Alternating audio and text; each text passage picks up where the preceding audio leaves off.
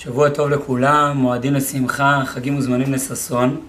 אנחנו חותמים את סוגיית האם המתים יודעים או לא יודעים. כל הסוגיה התחילה ממה שרבי חייא ורבי יונתן הלכו בבית הקברות, והציצית של רבי יונתן נגררה על גבי הקברים. רבי חייא אמר לו, תרים את זה, כי יש פה לועג לרש. רבי יונתן אמר לו, המתים לא יודעים מאומה. אומרת הגמרא אצלנו, במקור סעיף כ"א, הרב קוק מתייחס לגמרא, שאומרת, ואף רבי יונתן הד הרבה, רבי יונתן חזר בו ממה שהוא חשב שהמתים לא יודעים. מאיפה אנחנו יודעים? דאמר רבי שמואל בר נחמני אמר רבי יונתן, יש לנו מסורת בשם רבי שמואל בר נחמני בשמו של רבי יונתן, מניין המתים שמספרים זה עם זה, מאיפה אנחנו יודעים שמתים כן יודעים, כן מכירים, כן מדברים, שנאמר, ויאמר אדוני אליו, זאת הארץ אשר נשבעתי לאברהם יצחק וליעקב, לאמור. הקדוש ברוך הוא אומר למשה רבנו, זאת הארץ אשר נשבעתי לאברהם יצחק וליעקב לאמור. תמיד לאמור פירושו לך תאמר. אבל למי הוא היה צריך לאמור? הרי לכאורה אין פה איזו אמירה שצריך להודיע אותה למישהו, זה לא איזה ציווי לעם ישראל. אז מה זה אותו הלאמור שמופיע פה? אומרת הגמרא, מהי לאמור? אמר הקדוש ברוך הוא למשה, לך אמור להם לאברהם יצחק וליעקב. שבועה שנשבעתי לכם, כבר קיימתי על לבניכם. כלומר, הקדוש ברוך הוא מצווה את משה רבנו לאמור לפני שהוא מת. לאמור לאברהם, ליצחק וליעקב, שאת הארץ שהוא נשבע, הוא הולך לקיים ולתת לישראל.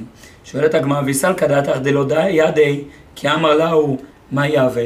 אם המתים לא יודעים, אז איך אפשר להגיד להם משהו? אי אפשר להגיד להם שום דבר, הרי הם לא יודעים. אומרת הגמרא, אלא מאי דיאדי, למה ללמימר להו? אם אתה, אלא מאי דיאדי, כלומר, האם אתה אומר שהם באמת יודעים, אז למה צריך להגיד להם? למה שרבנו צריך להודיע להם? יודעים מעצמם? אומרת הגמרא, שבאמת אתה צודק, לא צריך להגיד להם, אלא להחזוק אלי טיבותא למשה.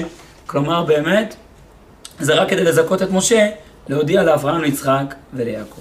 אומר הרב קוק בסעיף כ"א, יסוד הפלוגתא, הבסיס של המחלוקת, אי ידי או לא, אם המתים יודעים או לא יודעים, היינו, המחלוקת היא אם בהשערה נכללו גם כן כוחות שהם כלי, כלי להשגות חושיות גשמיות, או רק טהרת הנפש השכלית היא הנשארת. כלומר, מה קורה אחר המוות? האם אחר המוות האדם נשארת בו רק הנפש, הפשוטה, השורש של החיים של האדם, או ממש גם כל הכלים שלו, הדמיון, השכל, הרגש, מה נשאר אחר מיתת האדם.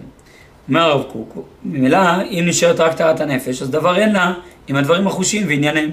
על כן אמר שהמתים מספרים, כי הסיפור הוא כולל עניין שכלי שמתלבש בדברים גשמיים. הרי יש לי השגה מצד עצמה, ויש השגה שאני מלביש אותה. מלביש אותה בדיבור, מלביש אותה בהבנה, זה סיפור. ממילא, לא רק הנפש כשלעצמה נשארת, אלא גם הכלי, כלי הסיפור, יכולת הסיפורת. לכן, לך אמור, תספר להם, זה אינדיקציה שלא רק הנפש המופשטת נשארת, אלא הנפש עם הכלים שמבטאים אותה, גם היא נשארת אחר המוות. והיינו, שנשארו כוחותיהם שהם כלים להשגות החושיות. והראיה, ממה שיש להם יחס לירושת הארץ הגשמית. שזו הייתה הכוונה להודיעם. כלומר, זה בעצם הראייה, למה דווקא המקרה שמשה מספר על הארץ הגשמית? כי יש להם חיבור עם הארץ הגשמית, שהם עדיין חיבור לא רק עם הנפש כשלעצמה, אלא עם כל הביטויים שלה פה בארציות ממש. לעניין הארץ הגשמית, שהם עתידים הבנים שלה לרשת אותה. אמנם, אף שלילדך דילמה איניש אחרינא שחי ועתיה ואמר לי, למעלה הרי, את כל הדעה שאומרת שהמתים יודעים, כל פעם דחינו. אולי מישהו מת וסיפר, אולי דומה סיפר, אולי בגלל ששמואל הוא אדם גדול סיפרו להם, אז ממילא זה דחייה. זה שמספרים למת, זה אומר שמת לא יודע. אז מה קרה פה פתאום, שאנחנו רואים שמשה רבנו מספר להם, זה ראיה שהמת כן יודע. לכאורה זה סתירה. אומר הרב קוק, אם כן, לכאורה, אין זה ראיה לסתירת דעת רבי יונתן הקודמת שאמר לו ידי. הרי אדרבה, זה הוכחה שלא ידי, כי הנה הם צריכים את משה שיודיע להם. וגם קשה לפי זה, מה שאמר, ואי אמרת לו ידי, כי אמר לאומה יהווה. שהרי בהחלט נקט לאל שאמירה לעולם תועיל. כלומר, גם לא מובן השאלה. אתה אומר, אם אתה אומר שהם לא יודעים, אז מה, כי אמר לאומה יהווה, מה זה יועיל שתגיד לו את הדבר הזה? מה זה יסייע? הרי למעלה הבנו שלמרות שהמתים לא יודעים, זה שמספרים להם זה מועיל. אז מה השתנה פה פתאום שרבי יונתן השתכנע לשנות את דעתו? כי זה, רצ, זה עצמו ראיה שהם מתים והם יד בזכות זה שאתה מספר להם. אומר הרב קוק, אמנם הכוונה שיוכל להיות שנשאר עדיין איזה יחס גופני. ומשום מה יוכלו להשיג הדברים הקרובים. והמת מקרוב עוד יצטערו גם כן בנפשו דברים וזיכרונות גשמיים, אבל אינם מתכונת הנפש הקיימת. כן הולכות קלות, אלה ההשגות. כלומר, כאשר אדם עוזב את הגוף, יכול להיות שעדיין נשאר לו איזה אלמנט של יחס עם הגשמיות. אבל ככל שהוא יותר שנים מת, הוא הולך ופושט מעצמו את היחס עם העולם הזה. אבל אם פה אני בא ורואים ציווי למשה רבנו לא מיד כשהוא ימות, אלא גם אחר כך, אנחנו לא רואים הגבלה שמיד כשהוא מת הוא יודיע להם. לא, לך אמור, מתישהו תגיד להם. זה עצמו ראייה שעדיין יש לו יחס עם הגשמיות גם לאורך שנים אחרי שהוא נפטר. ולפי זה, ודאי לא יוכלו נפשות נבדלות מן הגוף להכיר ערך טובת ארץ גשמית לגופות. כלומר, נפשות מופשטות, לא שייך שהם יתעסקו בארציות, בירשו את הארץ, לא ירשו את הארץ, כי אדרבה, הם פושטים את הדבר הזה. המת שעכשיו נפטר, יש לו עוד איזה יחס. אבל אברהם, יצחק ויעקב, שמתים כבר מאות בשנים, מה שייך שיהיה להם עניין עם הארץ הגשמית?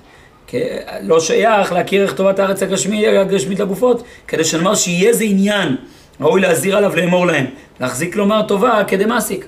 לכאורה, לכמו שהוא מעלה, לא היה צריך להודיע להם את טובת הארץ, כי זה לא מעניין אותם, הם כבר מתים הרבה שנים, כבר לא מעניין אותם ענייני החוש.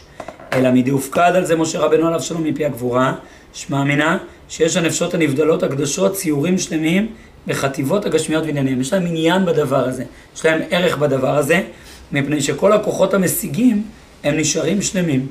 כלומר, עדיין יש להם יחס, זה לא רק נשמה מופשטת נשארת אחר המוות, אלא גם כלי היחס עם העולם הזה. למת יש יחס עם העולם הזה. יש לו נקודה מתווכת עם העולם הזה עדיין, לא גוף, אבל הדמיון, השכל, הרגש עדיין קיים בנפש גם אחר מיתתה באופן מופשט מגוף. וכדכתיב, עצמות, שומר כל עצמותיו, אחת מהן לא נשבר. הקדוש ברוך הוא שומר את העצמות. העצמות זה הכלי, הביטוי שלי פה בעולם הזה. אז כמו שהגוף של הצדיק נשמר, שומר כל עצמותיו, כל שכן וכל שכן, שכוחות הנפש שלו ממשיכים להיות קיימים, עיין דרוש אורח חיים לגרידש ז"ל. אני דומני שמדובר פה בדרוש אורח חיים לבעל התפארת ישראל בסוף סדר נזיקין, הפרשן על המשנה, אני לא בטוח במאה אחוז, אבל כך דומני צריך לעיין שמה, בעזרת השם, שבוע טוב ומבורך, מועדים לשמחה, חגים, זמנים לששון.